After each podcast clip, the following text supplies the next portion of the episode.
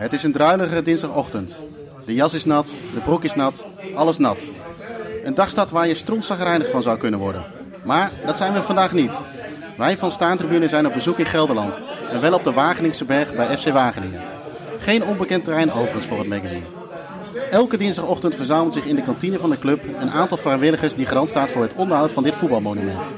In deze aflevering van de podcast praten we niet alleen met vrijwilligers, maar ook met supporters en een oud-speler. Wat was, of eigenlijk wat is FC Wageningen? We gaan het hier horen vanuit de eerder genoemde kantine. Mijn naam is Jeroen Heink en naast mij zit uh, Ino, Ino Diepenveen. Goedemorgen Ino. Goedemorgen Jeroen. Uh, ik kijk uh, hier even naar buiten, even los van het weer en het sponsorbord. Maar het is toch wel een pareltje als we vanuit de kantine naar buiten kijken. hij toch? blijft mooi hè? Ja. En deze mannen houden hem ook mooi. Ja, want wij zitten uh, verder nog hier aan tafel in de kantine. Het is sowieso een hoop vrijwilligers op de achtergrond. Uh, uh, nou, misschien laten we niet, niet vroeg aan. kun jij de kantine eens omschrijven, Ino, waar wij nu zitten? Ja, ik geloof zelfs dat dit het business home was, hè? Ja. Zeker, zeker. Oh, sorry, en, dus ik word maar, hij heeft een kantine sfeer zoals wij die zo mooi vinden. Dus met, met voetbalshirts, met nou ja, allerlei foto's, aanplakbiljetten. Te veel om op te noemen. Dit is gewoon de, een, een, museum, een kantine en een business home in één. In één, inderdaad. Ja. Hey, en uh, we zitten verder hier aan tafel. Ik ga even met de klok mee. Uh, Arjan Molenaar. Arjan, goedemorgen. Goedemorgen. Uh, auteur, schrijver van het boek De Onneembare Vesting. Ja. ligt hier op tafel. is een soort reliquie slash bijbel, denk ik, of niet? Ja, dat hebben, heb ik samengemaakt met oud bestuurslid van de FC Wageningen ook, Rien Bor. Ja. En nu gemeenteraadslid in Wageningen. Het, is een, uh, ja, dat was gewoon een goede samenwerking om, om dat te gaan maken. Uh, ja, ik ben historisch onderzoeker en supporter van de club. En Rien was uh, oud bestuurslid en een uitstekend praten voor alle interviews en zo. Ja. Dat was een goede combinatie. Is het boek nog te, te, te verkrijgen in de winkel of moeten we heel hard op zoek? Je moet heel hard op zoek zelfs. Oké, okay, dus er wordt marktplaats afstruinen nou, of... Nee, ik, uh, ik liep laatst door Wageningen heen en aan de Bergstraat heb je een, een tweedehands boekenwinkel tegenover de katholieke kerk. En daar lag die te koop voor 50 euro. Tweedehands. Dus het is een reliquie. Ja. En wat was de kostprijs toen de tijd? Um, ja, dan moet ik even, ik denk zo'n 20, 25 okay. euro ah, okay. of zo. Dus het heeft zijn waarde, zeker uh, als het dan nu 5 voor 5 ja, te koop is? toen nog in, ik denk guldens. Oké, okay, oh guldens zelfs. Ja. Omre om, omrekenen mogen we niet meer, toch? Dan, uh... Nee, maar... Ik doe het nooit meer. Ja, soms. Aan de rechterkant uh, zitten de familie van Koten, vader en zoon. Ja. Harold en Anton, als ik het goed heb. Goedemorgen. Welkom, goedemorgen. Ja. Um, vrijwillige supporter, waar, onder welke hokje kunnen we jullie uh, inplaatsen? Bij mij, uh, ik ben Harold van Koten, ik ben uh, supporter. Ik ben als achtjarig jochie meegenomen door mijn vader in 1974. Want toen kwam, was uh, Wageningen gepromoveerd naar de Eredivisie. Ja. En dan kon ik mee om de grote clubs te bekijken. En Feyenoord en Ajax en PSV. Alleen ik weet nog eigenlijk dat ik van het voetbal weinig gezien heb. Want ik keek vooral naar de supporters op de tribune. Dat trok mij aan. En nou ja, toen ik oud genoeg was later, stond ik ook uh, bij de fanatieke aanhang. Dat Ja. was mijn droom. En uh, altijd Wageningen supporter geweest. Uitwedstrijden, thuiswedstrijden. Oké. En op dit moment uh, ben ik alweer een aantal jaren vrijwilliger. En dan met name meer de social media. En wat, maar ook in het stadion Ja. werk ik wel eens mee met dingen opruimen en zo. Dus ja, Oké. van alles wat eigenlijk. Ja. En, en Anton, eh, hoe, hoe was het om, eh, om, om, om uw zoon mee te nemen Nou, naar FC was- Wageningen? Dat was heel leuk. Eh, wij, kwamen, wij eh, woonden in, in Veenendaal, dus we waren 17 kilometer hier vandaan. Ja. Dus en, eh, we onderweg waren met de auto, zat hij al te kijken op, of hij de, de lichtmast al zag. Ja, wat goed. Ja, echte voetballiefhebber dus. Ja, en, en om ook, ook te kijken of de PTT-mast stond. Want eh, dan waren we op tv. Want dat was toen nog eh, niet zo. Dus eh, als, die- als ik die oranje mast zeg, van yes, we komen op tv met een samenvatting. Ja, Ja. ja. Ja. Nou, als laatste hebben we nog eh, eh, eh, Jan. Jan van Oostenbrug, als ik het goed mag uitspreken. Ja, dat klopt helemaal, ja. Oud voetballer van FC Wageningen. Oud voetbal van FC Wageningen, ja. En wanneer, aan welke periode moeten we dan denken? Nou, ik ben hier gekomen in 1968 tot eh 81. 81. En is dat, is dat je enige club geweest? Of? Dat was mijn enige, enige club, ja. Ja. Er is toen nog wel de belangstelling geweest van eh NEC, FC Utrecht. Ja, Maar dat is helaas niet doorgegaan. oké. Aan de andere kant ook wel weer mooi voor het verhaal, Achteraf hè? eh, ja, is het toch wel eh, leuk zo gebleven, ja. Ja. Dus, Oké, nou ja, alle, nogmaals heren, allemaal welkom. En eh, er komen steeds meer mensen hier eh, binnenlopen. Ik hoop overigens dat meneer niet struikelt over de, Ja. over de snoeren. Oud voetballer. Oudste speler. oudste speler. Oh, Ja, en- ex-speler. En wie is dat dan? Panno Leander. Ja. Oké. André Panno Leander. Ja. André Leander, maar bijnaam Panno. En waar, Panno. kwam- waar kwam de bijnaam vandaan? Uit Wageningen komt hij, maar dat is uit- uit- vanuit de jaren 50. Dus ik heb hem ook nooit gezien als speler. Nee, nee, so- sorry, de, de, de bijnaam. Waar kwam de bijnaam vandaan? Dat durf ik niet te zeggen. Dat weet ik niet. Misschien moeten we straks even gaan vragen. Ja, jou kunnen vragen. Als zijn zoon, als zijn zoon. Zijn zoon, ja. Eh, Ino, ga ik even terug naar jou. Eh, Wageningen, verleden, supporter. Ja. Wat is, eh, wat is FC Wageningen voor jou? Ja, exact hetzelfde als Harold zegt eigenlijk. Eh, zaterdagavond, eh, als mijn vader uit de kantine kwam en hij had niet al te veel bier op. dan keken we even op, op teletext, oldschool teletext. Ja. Moet Wageningen vanavond thuis? En dan reden we er gewoon vaak naartoe. En dan, ja, wat je zegt, die, die lichtmasten, het hele staantribunegevoel wat ik heb, heb ik hier opgedaan. Ja. Met letterlijk de staantribune. Ehm, en, en de lichtmast inderdaad. Ehm, als ik kijk naar deze staantribune hier aan de overkant, waar het bord van het magazine hangt. Ja. Dat is ongeveer de plek waar ik, Ja. altijd, eh, waar ik altijd stond, of eigenlijk zat. Ja. Tegen de dwarsbalk aan de achterkant. Want de staantribune is natuurlijk niet gemaakt voor eh, kleine kinderen. Nee, nee. Eh, dus eh, ja, als het dan wel wat drukker was, dan kon je niet over die mensen heen kijken. En Nee. dan, eh, dan ging ik gewoon tegen, op die dwarsbalk zitten, eh, tegen de achterband aan. En eh, dat was mijn, eh, en wat Harold ook zegt, op het midden had je dan het platform met de fanatieke supporters. Nou, daar stond jij dan waarschijnlijk zelf tussen. En ja, dat, dat, dat trok ik me aan op. Dat vond ik fantastisch. En, eh, Ja, dat is voor mij FC Wageningen. Ik heb, ik heb het maar drie, vier jaar meegemaakt, denk ik. Eh, want toen ging helaas de club failliet. Nou, daar zullen we misschien zo meteen nog wel op komen. Oké. Maar dat is het voor mij. Dus eh, mijn einde van de basisschoolleeftijd Ja. eigenlijk. En, en toen ging je naar Ajax. en, toen ging, en toen ging ik daarna inderdaad naar Ajax. Ja, ja. Eh Arjan, eh, je, hebt, fouten. je, je hebt natuurlijk veel eh, eh, research gedaan, onderzoek, met mensen geïnterviewd. Eh, ik zei het een beetje in de intro, wat, wat was of wat is eigenlijk FC Wageningen? Is dat eh, in één zin te vatten of wat voor gevoel eh, moet ik daarbij eh, plaatsen? Kijk, dat, dat gevoel. Dat gevoel bij Wageningen en later werd het FC Wageningen. Dat werd al als een klein jochie bij mij erin gebracht. Ja, Bij, als ik eh, daar een lang verhaal over mag vertellen. ja hoor, ga je Eh, Oké. Van ons maar. Ehm, tegenover ons, waar wij vroeger woonden, toen ik klein was, daar woonde een oud voorzitter van Wageningen. En die was in de jaren 40, 50, was die, ik denk wel een jaar of 15 voorzitter geweest. Was meneer Van Tuil. Oké, En dan mochten wij als kleintjes televisie kijken, want die hadden wij zelf niet. En da- daar zag ik Ajax voetballen en alles. En toen ik een jaar of zeven was, ging ik met mijn vader mee hier naar de berg toe. En toen was die staantribune er nog niet. En er was een zandwal. En als klein jochie, als het geregend was, dan zag je er niet uit, joh. Dan gleed je naar beneden. Je kunt hem zien daar, hè? ja, is, Ach, is dat eh, die... eh, Nee, dat is al de bouw van de staantribune, die Oké. grote foto. Ja. Daar was je al maar 18 Ja, dat is hier achter. Maar, Nee, de 18 jaar. maar die, die zandwal, dat was een soort speeltuin voor kleine jongens. ja, Nou ja, toen gingen wij daar al kijken. En eh, aan de kant van mijn opa, daar een broer van, ja, die was buschauffeur voor de uitwedstrij- uitwedstrijden. oké. Dat was Wout Molenaar. Nou ja, die reed door heel Nederland heen. En, eh, en de- onderin Wageningen, aan, onderaan de Wageningse berg, zat garage Kirpenstein. En daar gingen de spelers de bus in. Geweldig. Ja, Geweldig. Ja, ik dacht, ja, dat was eerst van de kolk, dat klopt, daar heb je gelijk in. En later werd dat ook even Kirpenstein. Ja, en dat was vlakbij Hotel de Wereld, hè.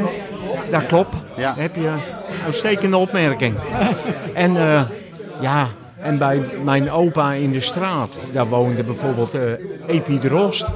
hier begonnen, begreep ik eh, En, en vanochtend. zijn vader, Celis Drost, die speelde in de jaren 50, 10, 15 jaar geloof ik, in het eerste helftal. Ja. Dat heb ik allemaal ook onderzocht hoor, dat staat in de boeken. Dus, eh hé, maar zo kwam die hele voetbalcultuur, die kwam bij mij binnen. Ja, ja, ja. En, dan Dus- is, en dan is het maken van zo'n boek is eigenlijk een soort, ja, hoe zeg je dat? Eh, finishing touch aan, aan het gevoel FC Wageningen. Dat je alles vast kunt leggen, zeg maar. Ik, eh, ik, ik heb hier ontelbare keren gestaan. Op die, aan, achter het doel aan de Ritsma Boswegkant. En op de staantribune en op die zandwal nog. Ja. En op een gegeven moment eh, ja, werd ik historisch onderzoeker, archiefmedewerker. En toen dacht ik van, het moet er gewoon een keer van komen. Ja. En toen ben ik in contact gekomen met Rien Bor.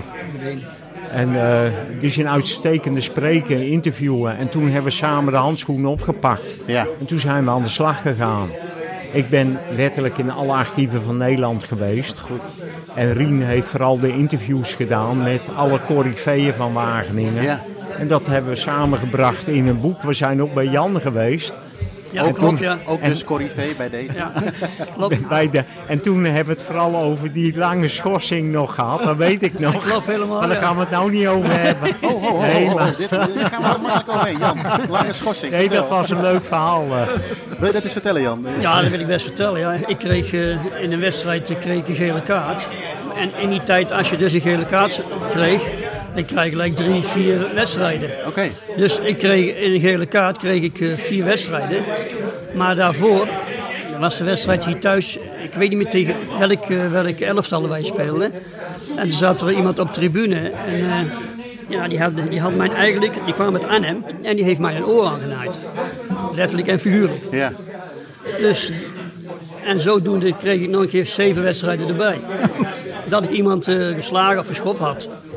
Dat vind ik wel heel conservatief dat je daar zeven wedstrijden voor krijgt. Ja, nou, Ja, kijk, dus dan lag je er dus eh, aardig lang uit. Elf wedstrijden, ja. Godverdikke me. Ja, goed, ik kreeg net toevallig, eh, had, ik- had ik mijn huisje, moest ik opknappen, net gekregen, sleutel. Ja. Dus, en ik was bij Curver. En hij zegt, jongen, jij gaat maar lekker je huisje helemaal klaarmaken. En ik kwam trainen. Nou, dat was allemaal weer achter de rug. Ja. En op een gegeven moment, eh, nou, toen kwam ik, ik heb elf wedstrijden niet gespeeld. Dus hij zette mij gelijk weer eh, in het eerste elftal. En zo gingen we weer verder. Alsof het bijna niet gebeurd was, zeg maar. Ja, ja. En voor mij zijn die elf weken zijn heel snel voorbij gegaan eigenlijk.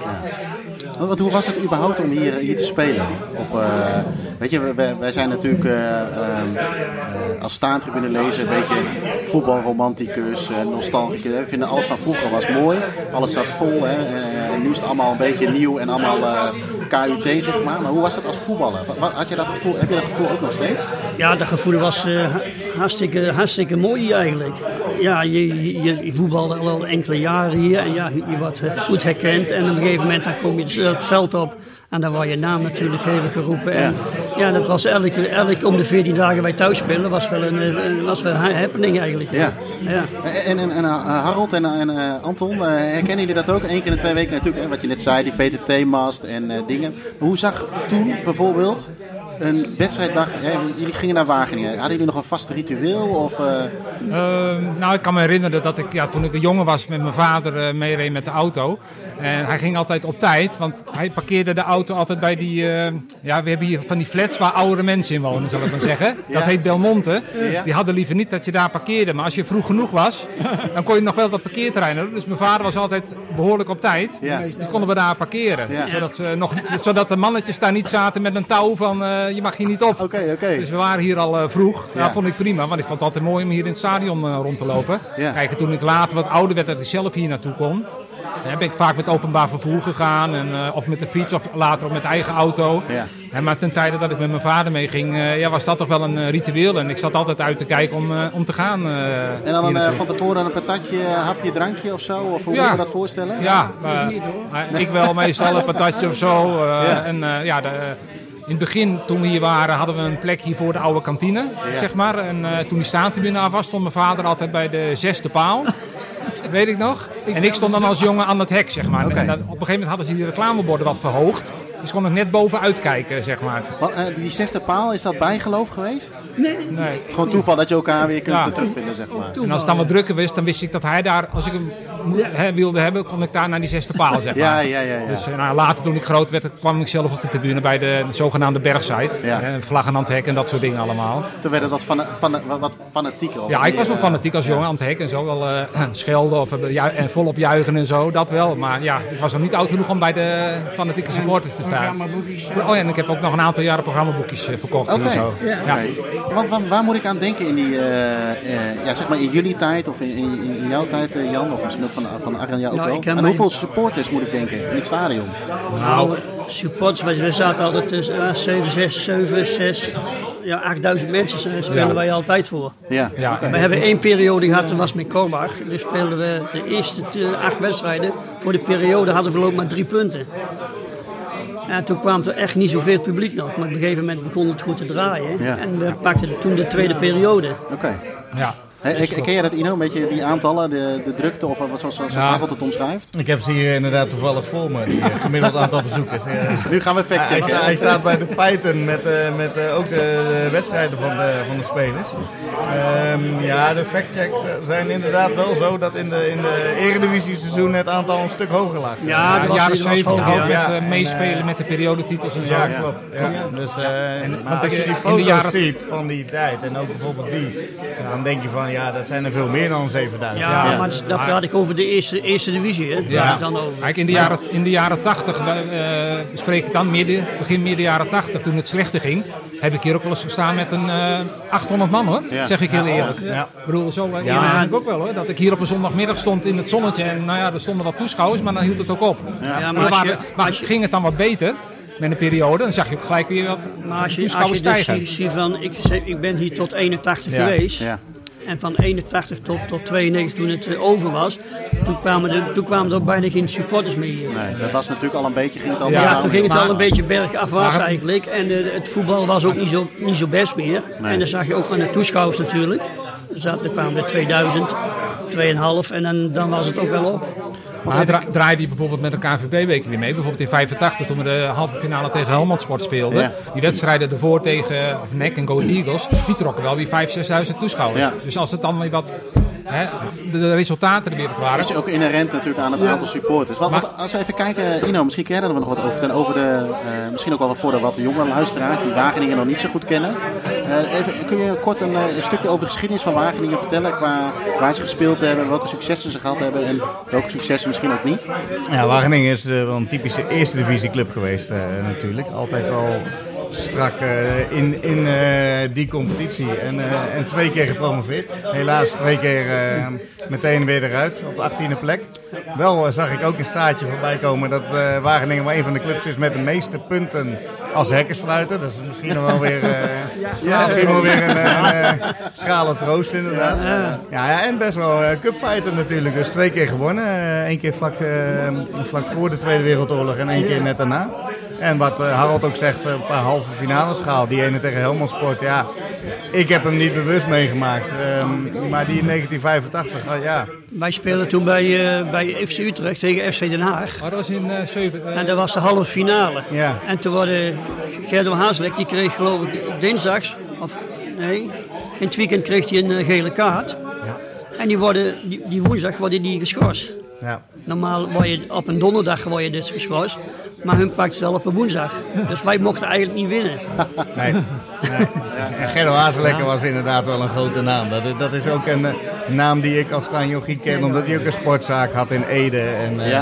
Ja. daar, daar ging je dan naartoe en dan, oh, die meneer die speelt bij, Ja, eh, bij FC. Wageningen. Ja. Ja, en Wageningen had drie sportzaken hè? Ja, ja. klopt. En ja, na competitie, dat is ook iets wat ik eh, link aan, aan de club. En achter jou, Jeroen, eh, is een oud voorzitter die, eh, die de na-competitie heeft verzonnen Dok- eigenlijk. Dr. de Wit. Oh ja, tuurlijk. En, ja, eh, ja, dat is natuurlijk best wel een mooi fenomeen. Eh, die, we, steeds. die we natuurlijk niet zo heel veel eh, in andere landen zien.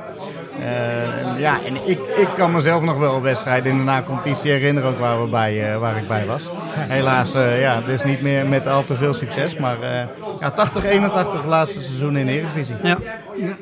En, eh, wat, en wat memorabele wedstrijden.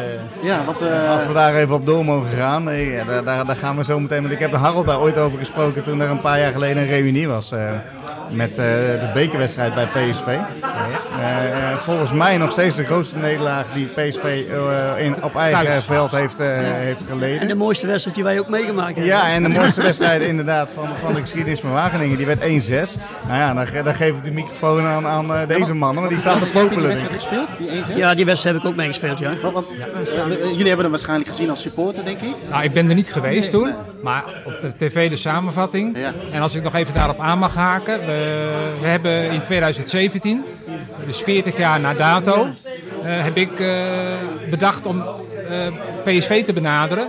Om met dat elftal van toen een bezoek te brengen. Ja. Nou, en dat is, ik heb gelukkig binnen PSV de juiste man getroffen. En we zijn uiteindelijk eh, eh, 20 december, dus het was 21 december 2017, zijn we met een bus met bijna de hele selectie naar Eindhoven gegaan. Om een wedstrijd, en we werden daar heel goed ontvangen door PSV. Echt, we werden helemaal in de watten gelegd. Het leuke was ook dat ze toen een thuiswedstrijd hadden tegen Vitesse. Dat is onze verhaal. En gelukkig won PSV, dus dat was een eh, leuke bijkomstigheid. En ook omroepen en dergelijke waren daar ook. eh, en zelfs Studio Sport heeft, heeft er aandacht aan gegeven toen. Dat de toenmalige selectie op bezoek was vanwege het 40-jarig jubileum van de 1-6. Dus, maar Jan kan vertellen, Ja, wat- wat- die heeft het echt Want meegemaakt. Jan, we, eh, eh, eh, waar hebben we het dan over? Zeg maar die, dat jaar, dat periode. eh, PSV was toen, eh, niet veel later wonnen ze de, eh, hoe heet dat, die eh, UEFA Cup, zeg maar. Ze wonnen alles, ja, hè? op moment. Hoe, hoe, ja, is misschien een beetje gek of maar hoe was dat eigenlijk voor jullie? Je gaat daarheen, eh, wat voor idee hadden jullie? Ja, we- je- goed, je gaat naar PSV toe en dan denk je van, als het maar onder die vijf blijft. Ja. Zo, gingen we daar naartoe. Dus, Is het niet gelukt?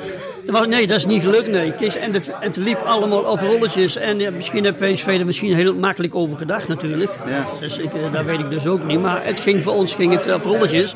Ja, en zo is het eigenlijk ook gelopen eigenlijk. En hoe was dat in het veld? Merkte je iets? Ja, eh, nee, nee, maar dan, dan- in het veld, als dat gaat eh, rollen, en dan word je steeds beter. Hè? Ja. En dan, dan ga je steeds beter voetballen. Stap makkelijker zetten. Stap je veel makkelijker. En, eh, ja. en, en tegen welke mensen heb jij bijvoorbeeld gespeeld? Wat was jouw directe tegenstander? Eh, van de Kuilen. Dat was ook niet de kleinste, denk ik. Nee, dat was niet de kleinste, maar op dat moment eh, had ik hem helemaal in mijn zak. Dus ja, en doet, doet het jou dan nog iets extra's als Van der Kuilen dan, hè? Afgelopen periode overleden, heb je dan nog iets extra's eh, van, nou ja, weet je, dat was mijn directe tegenstander? ja, nee, voor de rest heb je daar helemaal geen, geen band mee eigenlijk, vind ik. En, en hoe werden jullie, eh, wat, Arjan, was jij wel bij de wedstrijd, die 1-6? Of?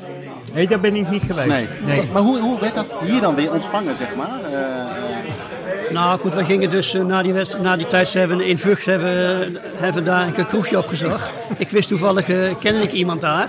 ja. En eh, ja, op een gegeven moment eh, komen we daar en toen was hij er niet. Die jongen die was ook aan het kijken natuurlijk. Ja. Toen hebben we een ander kroegje opgezocht eh, in Vught. En daar hebben we de hele tijd eh, wel, eh, wel een feestje gedaan. Ja. en dan zijn we met de bus weer, natuurlijk weer naar huis gereden. En ja, dan moest je natuurlijk naar huis toe. Ja, ja. Is een, een van de hoogtepunten van je carrière, denk ik. Ja, nee, het zijn wel wat meer, wel wat meer hoogtepunten Ja. natuurlijk. Kijk, twee keer eh, naar de eredivisie promoveren. Eh, periode, elk, bijna elk jaar een periode pakken. Ja. Dat zijn wel, voor mij ook hoogtepunten natuurlijk. Maar dat was wel een van het... Nou, wij wonnen bij, bij Ajax met 4-2. ik Dat was ook een hoogtepunt natuurlijk. Ja. Oké, Hey, en eh, eh, Arjan, eh, heb jij nog wat, eh, wat, wat eh, andere memorabele dingen van Wageningen die je met ons zou willen delen? We hebben nu die 1-6 gehad, we hebben een paar keer promotie. Ik hoor bijvoorbeeld die 2-4 bij Ajax, wat, wat moet ik me daarbij voorstellen? Ja, met de, met de beroemde Engelsman in de spits. Rob McDonald. Rob, ja. Ja, nee, maar eh, als ik eh, terugkijk op de historie van Wageningen, dan moet ik altijd aan, eh, aan Jan denken. Dat we ooit hier een beslissende na-competitiewedstrijd speelden tegen FC Groningen. Ja. En, en dat lukte niet. Wageningen moest één keer scoren. Ze deden er alles aan tot de vers- verschrikkelijkste overtredingen toe. Ja. Maar het lukte niet. Ja, maar lukte Groningen, niet. Groningen moest ook winnen. Ja. Groningen moest ook. En die kwamen hier naartoe en die, die gingen met 11 man voor het Ja, die ging met en- 11 en- verlangen. Voor de rest deed ze helemaal niks. Nee, nee, nee. En toen worden geloof ik MVV. Die, MVV die- was de lachende derde. Ja, die promoveerde toen. Ik ben nog nooit Ja. zo teleurgesteld de berg En, de, en, en die wedstrijd nog steeds hier zitten. Ja, ja. Zou, je anders, zou je nu weer anders invullen of dat blijft gewoon hangen? Ja, dat, blijft, dat blijft altijd hangen, ja, die wedstrijd. Dat is, En- wat dat is, weet ik niet. Het, het leuke was, ik, ik stond hier ergens en de spelers kwamen het veld aflopen. Ja. En toen is er van Jan een legendarische Ja, foto met ja. teleurstelling gemaakt. Die staat ook in het boek. Dat die, die staat ook in het eh, boek hier op legendarische tafel foto. ligt. Dat hij dacht van, ik kan ze wel opvreten. Ja, dat is kan nou nog. Hij, Nee. hij liep volgens mij met de, met de elftal leider of zo. Rustig Jan, rustig. Ja, ja, ja. Oh, maar ik, ik kan me zo goed herinneren die wedstrijd. Ja. Zo Die wedstrijd, het was stil op de berg. Hè? Nou, ze waren zo te- teleurgesteld, hè. Over, over de berg gesproken, uh, de Wageningse berg. Uh, wij zijn van Statentribune ook, uh, de, de groundhopper die komt hier ook wel eens langs om even bij het stadion te kijken. Die, ik heb hem zelf nooit met een wedstrijd gezien, dat vind ik nog wel jammer. Ik, overigens was een paar weken geleden was hij hier een oefenwedstrijd, toen kon ik helaas niet. Maar het zal natuurlijk nooit zo worden als het vroeger was. Wat, wat, wat kunnen jullie vertellen over het, het stadion, zoals het bijvoorbeeld was of hoe het er nu bij ligt? Er wordt nu wat verbouwd of gerenoveerd. Uh, laat ik even anders beginnen. We zitten nu hier in de setting, in niet de kantine, maar de business. Uh, ik, ik, zie hier allemaal vrijwilligers zitten. ik zei het in mijn intro, elke dinsdagochtend komen jullie hier bij elkaar, of moet ik dat zien? Nou, ik kan er wel iets anders iets over vertellen. Toen ik in het begin met Kees Quint, die het toen proberen om dat stadion te behouden. En dat, dat, dat, zou hij mee willen maken. Dat hij helaas niet meegemaakt. Maar toen ik hier met Kees hier liep, er stonden in, het, in de tribune en in de, aan de staanplekken stonden allemaal van die hele dikke bomen. Ja. Nou, die, en die heb ik toen allemaal weggezagen. Voor het onderhoud? Of, voor, dat dat ja, toen, toen begon het al een beetje, ja, toen begon het al een beetje voor het onderhoud. En, dus, en dat is heel langzaam, is, heb ik dat ook met Kees opgepakt. Wat uh, onkruid gespoten, wat snoeiwerk gedaan. En toen ben ik er een heel tijdje ben ik er niet meer geweest. En uh, ja, toen kwam Anton in beeld. En die was hier al, ook al heel lang bezig. Maar die, ik zag die man zo ploeteren, al, die te, al dat onkruid uh, op zijn knietjes met zo'n dingetje wegkrabbelen, weet je wel. En ja. uh, ik denk, nou, ja, dat, dat, ik zeg, ja, ik had hem, ja, ik zeg, nee, dat, dat kan niet. dus toen heb ik hem uh, gaan helpen. En dat is dan hier ontstaan, het, het onkruid en het snoeiwerk ja. en, en, en het grasmaaien wat ik eromheen doe, dat uh, verzorg ik dan. Ja, oké. Okay. En Anton doet de rest eromheen, en doet de kantine hier. Ja. Dus. En dan uh, sluiten zich een aantal mensen aan, want het is en dan hebben we een beetje ja, gelegenheid hier. Toen ik, ik hier kwam, waren we eigenlijk maar met z'n tweeën bezig. Harold af en toe erbij. Ja. En op een gegeven moment komen er steeds meer mensen natuurlijk. Ja. En nou ja, daar hebben we al een hele grote, een hele grote groep die er nu is. Ja. Die ook andere dingen gaan doen dus.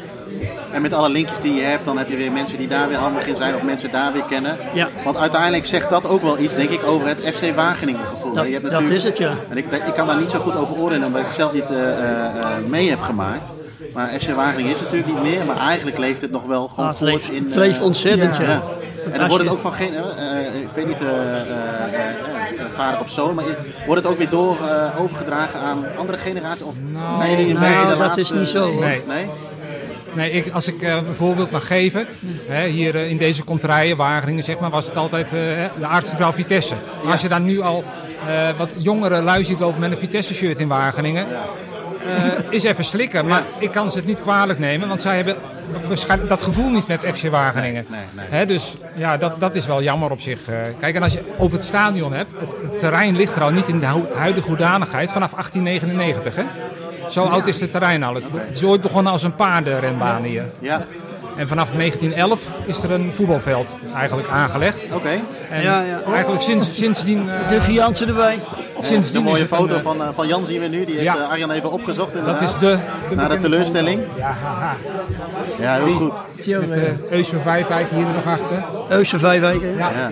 En dan wat Groningen spelers, scheidsrechter. Ja. Nou, wat een teleurstelling toen.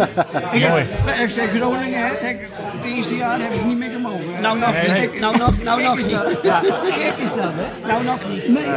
Hey, maar maar uh, je was even vertellen over Ja? de berg. Ja. De paardenrenbaan. daar In 1911 een, uh, een, een, een, werd er een voetbalveld aangelegd. Ja, en uh, nou, toen is de Wageningen 1911.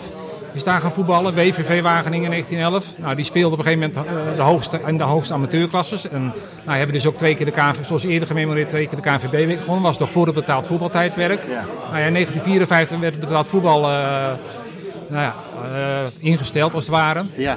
En Wageningen deed daar gelijk aan mee. En na de Tweede Wereldoorlog is hier wel alles weer opgeknapt moeten worden. Want uh, tijdens de Tweede Wereldoorlog hebben ze hier behoorlijk huis gehouden. Ja. Nou ja, ze, uh, de Ja. Duitsers Ja, met name. Ook met Market Garden was er wat natuurlijk. Ja. En daarna is eigenlijk het stadion een beetje uitgebreid in de jaren 50 met de zittribune. Die nu dan weer gerenoveerd wordt, stukje bij beetje. En langzamerhand zijn er wat dingen bijgekomen. En die grote staantribune is in 1975, begin 75 uh, afgekomen. En uh, daardoor werd de capaciteit ook behoorlijk vergroot. Uh, als ik vertel dat er tegen Cambuur, de be bekende promotiewedstrijd in de nacompetitie 1980, 20.000 man stond hier. Dat zou tegenwoordig met de huidige veiligheidseisen absoluut niet meer mogen. Ik bedoel, eh, nee, dat kan niet meer. Nee, maar dan wil ik eigenlijk een gevoelige vraag stellen. Daar hebben wij het net al een klein Ja. beetje over gehad. Als nu de club nog had bestaan, wat denk ik iedereen hier graag had gewild. Ja. Had het stadion er dan zo uitgezien? Of? Nee, en de ik denk, naar, mijn, naar mijn idee was er dan al een nieuw stadion gebouwd waar nu de campus zo'n beetje zit. Ja. Eh, qua, tussen, tussen Wageningen en Bennekom, qua bereikbaarheid heel goed vanaf de A12. Ze konden daar nieuwe parkeerplaatsen aanleggen. Dus ik heb het, mijn idee is dat ze daar dan een nieuw stadion hadden gebouwd. Maar dan, dan stel ik een nog gevoelige vraag. Ja. Wat hadden we liever gewild? Zeg je? Wat hadden we dan liever gewild? Ja, liever op de berg. Maar ik ben wel zo reëel te stellen, als je tegenwoordig kijkt naar de stadions en alle bereikbaarheids, alle eisen die er zijn, weet ik dat dat niet had gekund hier. Nee, klopt. Nee, wij, wij hebben de auto altijd achter dat doel neergezet in Ja. het bos. Eh, daar lag ik. nog wel eens een bal naast na de wedstrijd. Eh, Ja. ja, dat, dat had niet gekund inderdaad. Nee, dat klopt. Het- maar goed, het- eh, wat vinden jullie er dan van dat, dat dit wel een beetje gezien wordt als bedevaartsoord? Hè? Want in Nederland zijn al dit soort stadions verdwenen. Nou, ik ben ik dat- hou hiervan al, als stadionliefhebber en dan toevallig ook nog als oud-Wageningen-fan. Ja. Eh, dus dat is extra mooi. Ik, ik ben er trots op. Maar ja, toch? Er komen heel veel mensen hier naartoe. Eh, elke, elke week zie je wel weer op de Facebookpagina's eh groundhoppers foto's Ze komen overal vandaan hoor. Ja, ja. Ik, ik ja, vind wat mooi. aan denken dan? Overal van ook het buitenland? Of, Nee, maar Ja, Duitsland ja, ook wel. wel. Maar Belgen. ook andere, andere delen van het land, uit Noord-Nederland, uit Friesland, Rotterdam die kant vandaan. Ja. Kom allemaal, Ze eh, overal vandaan. Hè? Ja. In die vakantietijd. Hè? Gewoon druk. En dan zijn wij, toevallig zijn we dan hier. En dan, eh, goed, dan laten we die mensen natuurlijk naar binnen. En dan laten we dus dit ook even zien. weet. En dat vinden ze allemaal prachtig.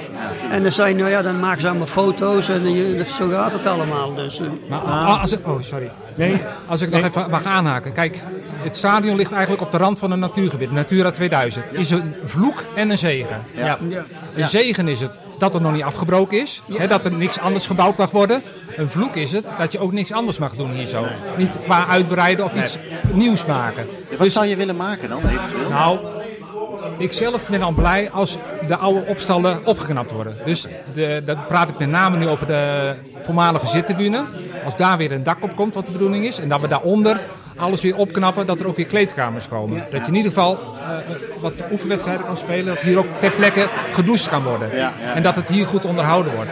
Kijk, tien jaar geleden had ik gezegd van, nou dat Future Center plan lijkt me wel wat. Maar daar ben ik een beetje vanaf eigenlijk. Eh, Dat het hier in stand gehouden wordt en dat het opgeknapt wordt. Dat zou ik al mooi vinden met ze nu dan een wedstrijd, trainingskamp en andere activiteiten. Ja, vanaf het begin van deze eeuw eigenlijk zijn er altijd al wat plannen geweest. Future Center onder andere. Om, om er wat van te IJsbaan. maken. Een soort museum met de historie van Wageningen erin. Ja. Maar wat ik een zegen vind, is de komst van het Fletcher Hotel. Die van alles gedaan heeft om een goede trainingsaccommodatie hier te maken. En er komen ook gewoon hartstikke leuke clubs naar. Ja. ja. Venetia is deze zomer geweest. Ja. Een Belgische club, Kortrijk. Twee jaar geleden was het Braziliaanse dameselftal hier voor een groot toernooi in Nederland. EK dames. Daar hadden we bij moeten Er zijn. gebeurt Jeroen. heel veel. hè. Maar de Er gebeurt heel EK dames. EK dames hebben hier ook twee weken gezeten, tweeënhalve week. Henk de Kaat is wel eens met zijn... eh, Ja, Met Arabische clubs. Al, Jazeera, drie keer, drie jaar achter elkaar. Ja. Miljonairs, olie sheiks. Maar ze hebben geen geld achtergelaten hier. Nee, nee, niet. Hè? Zoals, eh, de, hè, zoals Newcastle. Ja, ja, ja. Maar dan, dan gaan we denk ik wel meteen eh, mooi door, een mooi bruggetje Harold, naar het faillissement. Hè? Want dat is natuurlijk eh, vastgelopen op een, oh, nou ja, ik zou- zou niet zeggen op 50 euro, maar eh, op, een- op een bedrag dat je nu zegt van ja, dat, dat kan helemaal niet. Dat is een dagsalaris van Messi. eh. Eh, 145.000 euro, ik- 145.000 hoorde ik. Ja, Maar daar ging het alleen niet om, duidelijk. hè, Want die- de, de KVB gaf geen licentie meer aan eh, Wageningen.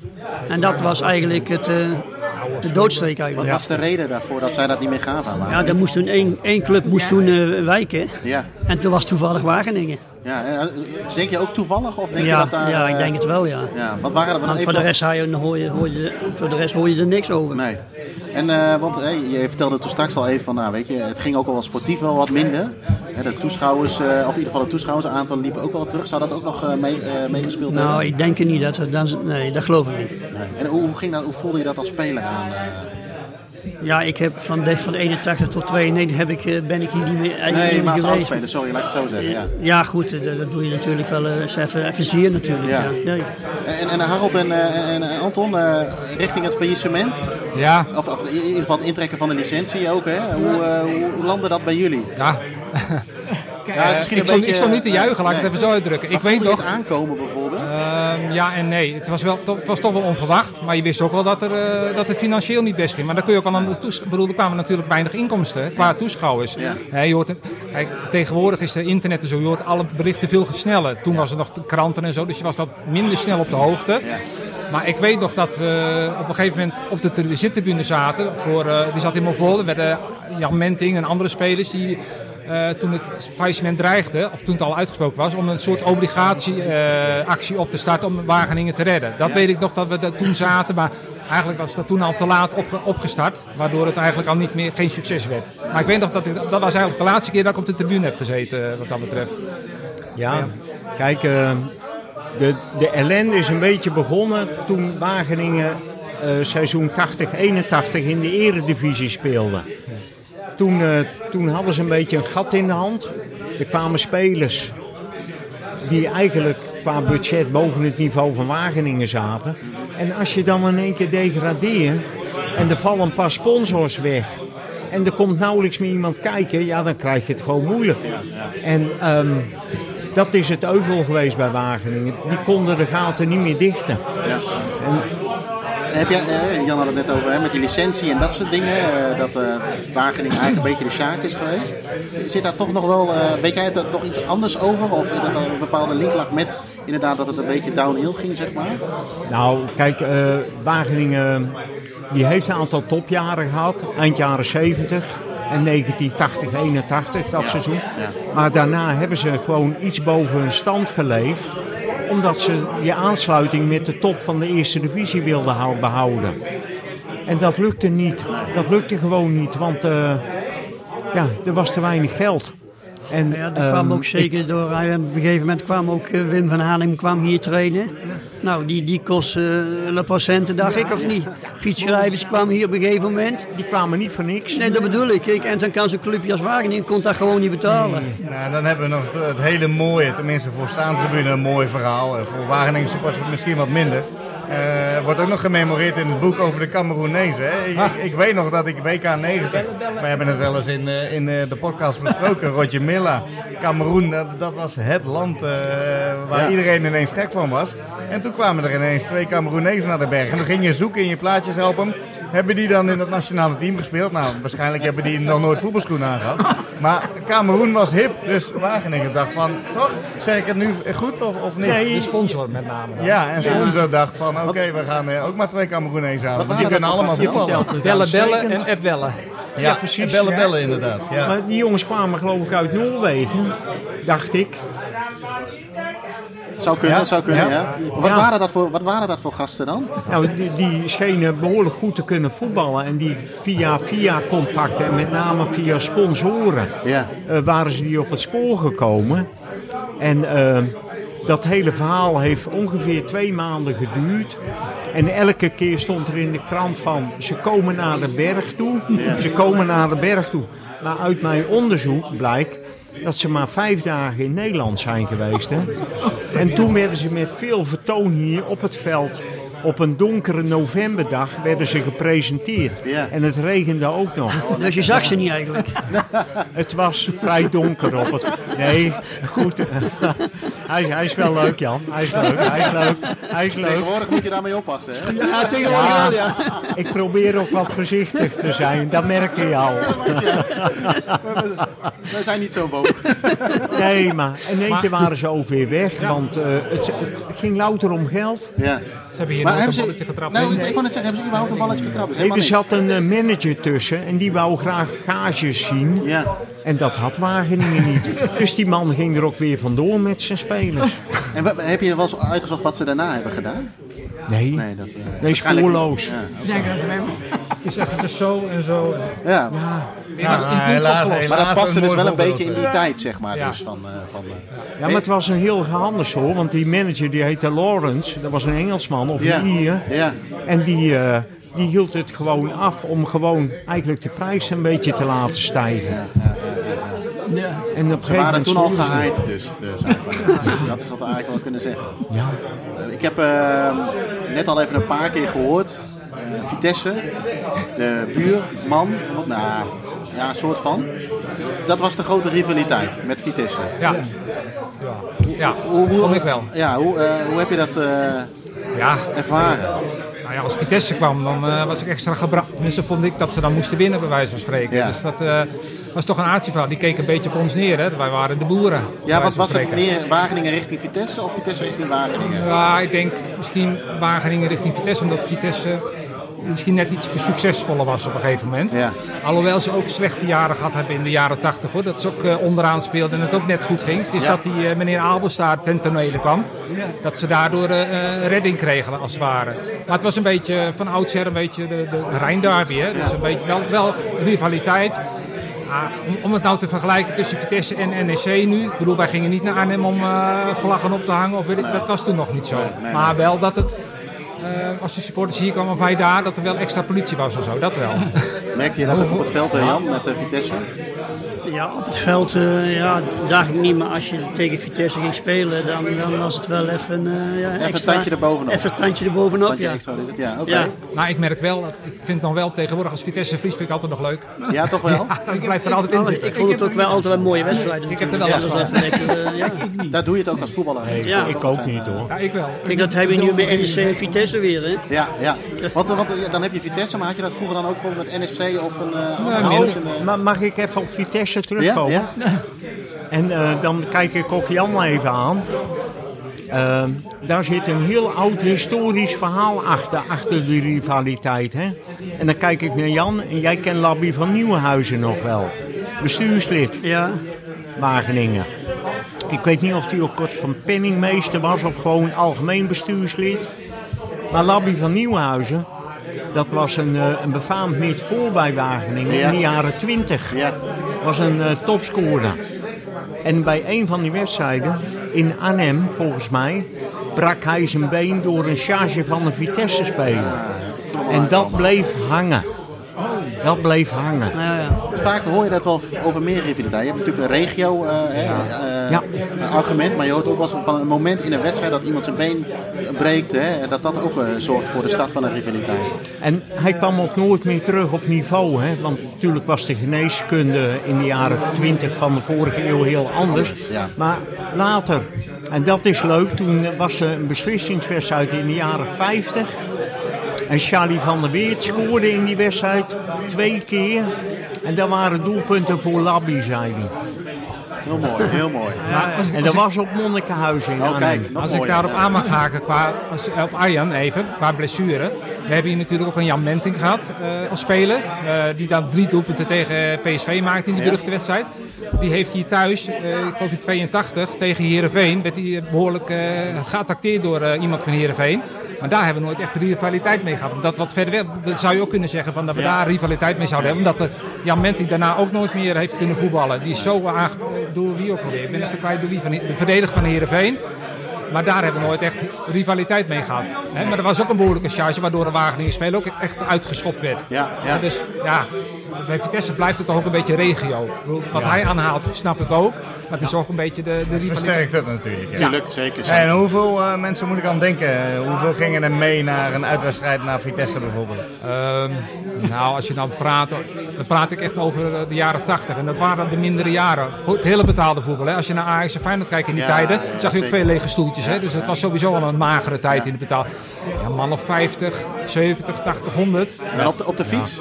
Nee, wel met de bus of zo. eh, Met fiets de is- supportersbus, Met de bus. Ja, want eh, anders dan... eh, ja goed, ging het beter. Ik, kan nog een voorbeeld noemen. Eh, in 1990 speelden we nog mee in de periode. En toen gingen we naar Excelsior. Dat was de laatste wapenfeit van Wageningen. Toen we nog een periodetitel in januari. Ja. Er zijn wel 1200 man mee geweest naar Excelsior Rotterdam. Ja. ja, ja. Dus dat wel. Dat stadionnetje van Excelsior bij Dat was de, de wedstrijd van Klaas Vink volgens mij. Ja? Die scoorde toen. Nee, ja. Oosterhuis scoorde toen. Ja, Oké. Jan Oosterhuis scoorde toen. Ja, ik, ik heb die beelden heb ik thuis, dus dan kijk ik nog wel eens terug. Nee, want het klopt wat je zegt, want ze speelden toen in de na-competitie. Ja, hier thuis. Dat was de raadcompetitie zelf. Maar ik bedoel, bij Excelsior speelde Tegen eh, Excelsior Ja, dat was een uh, beslissende nog. wedstrijd. Ja, Ja, ja. maar denk dat je praat heb thuis die een wedstrijd tegen Heracles, die door, door nood weer ook afgelast Ja, met die toen. regen. Met die regen toen. En toen was er bijna niemand ook, hoor. Toen waren er weinig mensen voor, nakom, voor een uh, De eerste wedstrijd waren er wel een man of 5000. Ik als ik de Ah, foto's oké. zie. Jawel, dat, dat, dus die foto's zie ik dan wel eens voorbij komen. Het was verschrikkelijk noodweer. ja, het was noodweer. Toen heeft, eh, God, God, God, toen heeft eh, Eigenlijk is er dus niks veranderd. Nee, Dat nee, nou ook nog. Nee. John Blankenstein heeft toen die wedstrijd gestaakt. Ja, Hey, eh, wij hebben een, eh, in ons eh, team ook een, een, een man die vrij fanatiek is met groundtoppen. We hadden het net, jullie hadden het net al even over, er komen ook veel groundtoppers hier wel eens kijken. Dat, die noemen we ook wel de groundtopper des vaderlands. Dat is Hans Douw, die heeft ook een, een boek daarover geschreven. En hij heeft voor ons even een, een stukje ingesproken over zijn ervaring met, of, met, met FC Wageningen en de Wageningse Berg. Laten we er heel eventjes naar gaan luisteren. Ja. Tja, hoe zal ik het zeggen? Op de een of andere manier oefenen de stadions van verdwenen profclubs een grote aantrekkingskracht uit op groundhoppers. Als een club uit het betaalde voetbal is verdwenen en niet meer in de standen voorkomt, dan blijft de aanhang verweest achter. Wat resteert is het oude stadion. De oude vesting vormt in feite de gestolde herinnering aan vervlogen tijden. Als het gaat om de stadions van clubs die niet meer in het betaalde voetbal spelen, is er veel verschil. In sommige stadions wordt na het faillissement of na de opheffing gewoon doorgevoetbald, maar dan op een lager niveau. Aan de Irislaan in Vlissingen en de Marathonweg te Vlaardingen, op Sportpark Berg en Bos in Apeldoorn en Harga te Schiedam, in het Olympische Stadion van Amsterdam, de Veendamse Lange Leegte en het Vast en Goed Stadion in Roosendaal. En natuurlijk in het Haarlemstadion aan de Sportweg wordt nog immer gesport maar nergens meer in de ere of eerste divisie. In Amersfoort is Beerkoven met de grond gelijk gemaakt en lopen er nu mensen met een hockeystick te zwaaien op de plaats die ooit heilige voetbalgrond was. En mannen die in Amsterdam Noord door het winkelcentrum aan het Mosveld lopen en daar balend van de Hema naar de Hunkemuller hoppen, worden depressief als zij zich realiseren dat hier ooit de Volenwijkers speelden. Het groene gras heeft daar lang geleden plaatsgemaakt voor een afgrijzelijke verzameling winkels. Afijn, dan is er gelukkig nog de Wageningse Berg. De Wageningse Berg is de moeder aller voormalige profstadions. Het epicentrum van de vergane glorie in Nederland. Wageningen staat voor mij met stip op één. Daar zijn in mijn ogen twee redenen voor. Wat ongetwijfeld een rol speelt is de iconische ligging en het uiterlijk van het stadion. Boven op de berg, midden tussen de bomen, tribunes dicht op het veld, op een steenworp van de Rijn. Als het stadion van FC Wageningen langs de A6 in Almere Muziekwijk had gelegen, dan hadden wij het er nu zeker niet over gehad. Een tweede reden is het verhaal van de verloren zoon. Na de laatste wedstrijd in 1992 werd het stil op de berg. Heel erg stil. De berg werd langzaam overwoekerd door onkruid, opgegeten door de natuur. Ruim twintig jaar mislukten alle pogingen om iets te maken van het voetbalmonument. In het hart van deze periode was ik op weg naar een belangrijke vergadering in het oosten van het land. Ik werkte bij het Openbaar Ministerie, reed op de A12 en had wat marge in het tijdschema. Ik besloot om snel even te kijken hoe de berg erbij lag. Toen ik mijn auto in het aanpalende bos had geparkeerd en door een spleet naar binnen keek, zag ik dat de tribune aan de lange zijde volledig overwoekerd was. Vanuit de ondergrond groeiden de bomen dwars door het dak heen. Zoiets had ik nog nooit gezien. Ik moest naar binnen om dit van dichtbij te zien. Helaas, het complex was hermetisch afgesloten, hoge hekken. Bovendien was er niemand aanwezig op deze regenachtige en donkere donker donderdagmiddag in november. Er was geen weg meer terug. Helaas, het vervallen stadion had mij in een nekklem en dwong mij om het uiterste te doen om haar te betreden. Schuin achter het doel aan de boskant vond ik een plek waar ik plat op mijn buik onder de afrastering door kon kruipen. Over de grond door de natte modder, want het regende.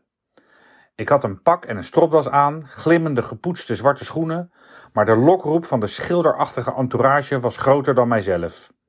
Ik schoof door de modder en legde binnen alles vast op mijn telefoon. Ik was sprakeloos. Zoveel oogverblindend mooie vergane glorie had ik nooit eerder ervaren. Eenmaal terug bij de auto zag ik eruit als een wielrenner naar Parijs-Roubaix. Ik belde de voorzitter van de vergadering waar ik naartoe was en meldde dat ik met, een dashboard vol met rode lichtjes langs de snelweg stond. Dat leek mij beter dan de mededeling dat ik bij het betreden van de Wageningse berg door de natte modder was geschoven. De voorzitter had begrip, wenste mij sterkte en ik vertrok met een telefoon vol foto's naar huis. Anno 2021 is de verloren zoon weer thuis. De oude supporters van FC Wageningen hebben de handen ineengeslagen en hebben het vermaarde bolwerk opgeknapt. Iedere dinsdag komen zij bij elkaar om te klussen. Voor deze oude rotten, die notabene geholpen worden door oud-spelers van FC Wageningen, moet een standbeeld worden opgericht. Helden zijn het. Er vinden weer regelmatig trainingen en wedstrijden plaats en de unieke sfeer van weleer is nog volledig intact. De Wageningse Berg is de moeder aller voormalige profstadions. Een icoon in het Nederlandse stadionlandschap. Dit stadion mag nooit, helemaal nooit verloren gaan. Nou, dat zijn eh, hele, hele mooie woorden van, eh, van Hans, van Hans Douw. Eh, ik denk ook dat er wel heel veel in terugkomt waar we het al een beetje over gehad hebben. Hè? Wat, wat, wat, doet, ja, wat doet het met jullie? Ik, ik voel me net iemand van ESPN. Wat gaat er door jullie heen als jullie dit horen? Nou, dit doet, doet me wel wat. Want ik, ik, ik vond het een mooi verhaal. En ik hoorde ook wat dingetjes. En aan het eind vooral, er moest een standbeeld komen. Ja. Voor de mensen die zich inzetten om dit uh, te behouden. Ja. En dan moet ik altijd denken tijdens mijn onderzoek.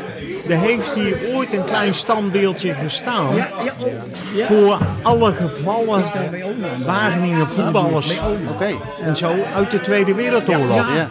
En dat staat nu plomp verloren in een nieuwbouwwijk in Wageningen, zomaar ergens. Hè? Ja, ja, ja. Dat ik denk van, Moet hierheen. twee standbeelden. Ja, ja, ja. Ik vergeet Dat, Ja, klopt. Maar wat, wat, eh, wat ik wel mooi vind is eh, wat hij zegt over het stadion moeder alle stadions. Ja goed, dat kan ik alleen maar beamen. Maar goed, nou kijk ik ook wel met een hele gekleurde groen-witte bril eh, Ja, uiteraard. ja, hè. Dus, Nou, maar wel, wel terecht, denk ik.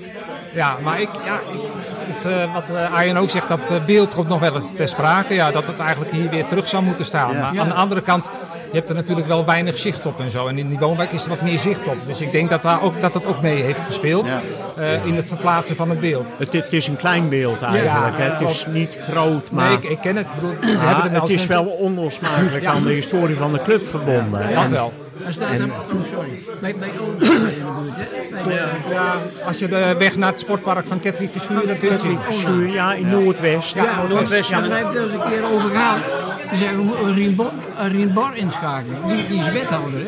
Ja, maar die woonde ook in Noordwest. Die wist precies waar het staat. Ja. Nee, maar alle feiten staan ook in, Ja. het, eh, in Ja. het boek.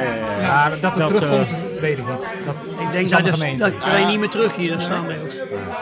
Nee, goed, daar moet een keer, eh, ik noem het maar een commissie van wijze mannen wat Ja. aan, aan doen. Maar dan moet je hier ook een mooie plek creëren. Ja. Want Ja. dat verdienen die mensen gewoon. Klaar. Nou, je zou het op de oude plek moeten zetten. Want Over- ik bedoel, de achtergrond is wel mooi. Ja, Ja, als je het over monument hebt, eh, daar wil ik even op aanhaken. Eh standbeeld is dan niet de, een voormalige keeper van Wageningen, Kees Quint. Ja. Die is ooit begonnen met die dinsdagochtendgroep. Ja wat je Ergens met eh, vier, vijf man. Ik, heb, ik zit hier nou ook pas zeven jaar bij. en, en daarvoor kwamen ze al bij elkaar. Dat zeg ik ook heel eerlijk. Ehm, onlangs is er een muurschildering hier gemaakt dan, eh, buiten het stadion. Eh, op basis van een schilderij van Kees Quint zelf, waar hij in actie is, zeg maar. Dat is op de muren. Dus dat is wel een soort monument Ja. Als, als aandenken aan de initiator van dit hele gebeuren. Ja. Dat wel. Nou, dan wil ik eh, even als, ook als, eh, als afsluiter van deze podcast, want we zitten al bijna weer een uur, eh, uur te, te, te brabbelen hier. Oh, het gaat zo verder. Hey, inderdaad, een mooie muurschildering aan, de- aan de buitenkant. Stel nou, iemand is hier nog niet geweest bij de Wageningse Berg. Wat zijn plekjes?